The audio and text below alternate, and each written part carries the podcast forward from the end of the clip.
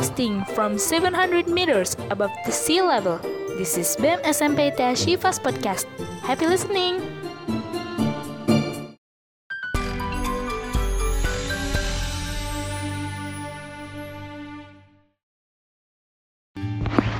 Hai semua, apa kabar nih? Semoga baik ya Oh iya, kalian tuh pernah gak sih ngerasa insecure? Iya, yang sering banget netizen omongin itu Yaitu insecure Kalian sendiri tau gak sih apa arti dari insecure?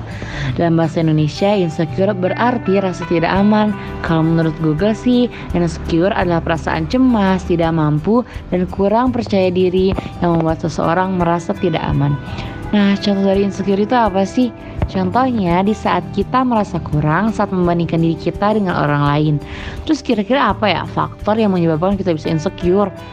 Beberapa faktor yaitu takut terhadap kegagalan, sering membandingkan diri dengan orang lain, kecemasan sosial berlebih, korban bullying, atau terlalu terikat dengan zona nyaman.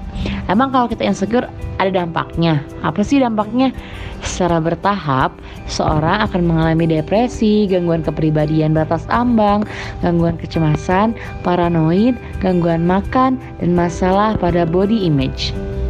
Bisa berimbas menjadi psikomatik, hubungan sosial dan mental yang kurang baik menimbulkan keluhan fisik tertentu seperti nyeri. Ya serem banget gak sih? Makanya yuk kita banyak-banyak bersyukur atas apa yang kita punya saat ini.